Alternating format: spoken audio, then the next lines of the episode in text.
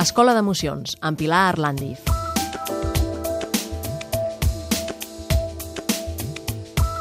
Avui a l'Escola d'Emocions, de nou amb la Pilar Arlandis, psicòloga. Eh, quan estàvem fent el llistat de les emocions en aquest espai, l'Escola d'Emocions, una cosa que, que em vaig adonar és que hi ha moltes més emocions negatives que positives. Avui parlarem del patiment. Jo vaig intentar trobar un equilibri entre les positives i les negatives, però sembla ser que tenim més emocions negatives que positives, no?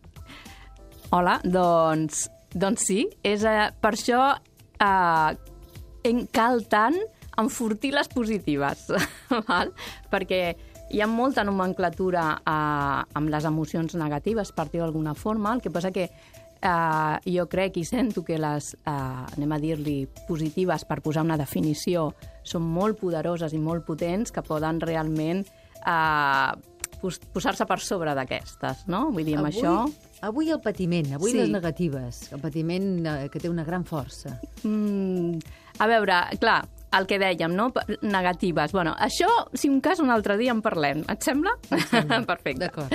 Doncs el patiment. Bé, el patiment, mm, el que diem, pot ser tant físic com psíquic, no? Aquí, si, si et sembla, parlarem més del, del psíquic, per dir d'alguna forma, de l'emocional, no?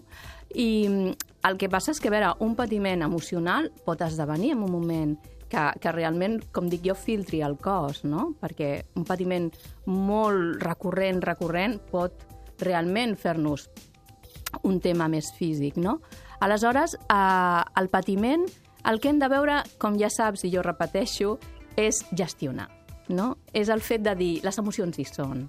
I aleshores és el fet de què és el que està provocant aquest patiment, no? Quan un nen o nena expressen un patiment, Uh, jo que he treballat amb nens i, i nenes, és allò de dir, és molt sa que puguin expressar, perquè això vol dir que, que, que són conscients de que alguna, alguna cosa no està rotllant bé i ho poden expressar, i això fa que els adults, pares, mares, mestres, uh, puguem mirar a veure què està succeint allà, què està passant, no? i poder donar una resposta també amb aquest patiment. Val? també és veritat que hi ha, uh, hi ha altres nens i nenes que pateixen en silenci, no? Això també és un apunt molt breu, però sí que m'agradaria dir-ho, perquè a vegades uh, potser no tenen aquesta gestió i aquesta capacitat com a, per, per, per expressar allò que estan sentint, no? O potser perquè no volen uh, preocupar els adults, que també n'hi ha casos d'aquest tipus, no?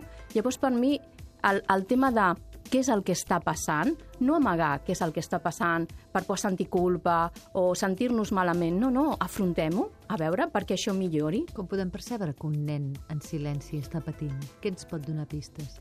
Clar, és allò de dir...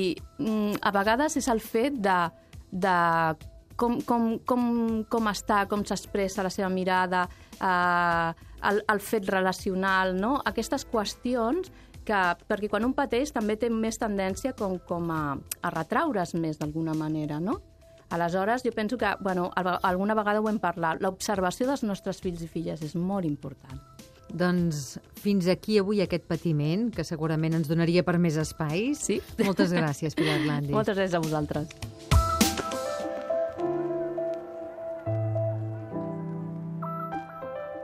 L'ofici d'educar.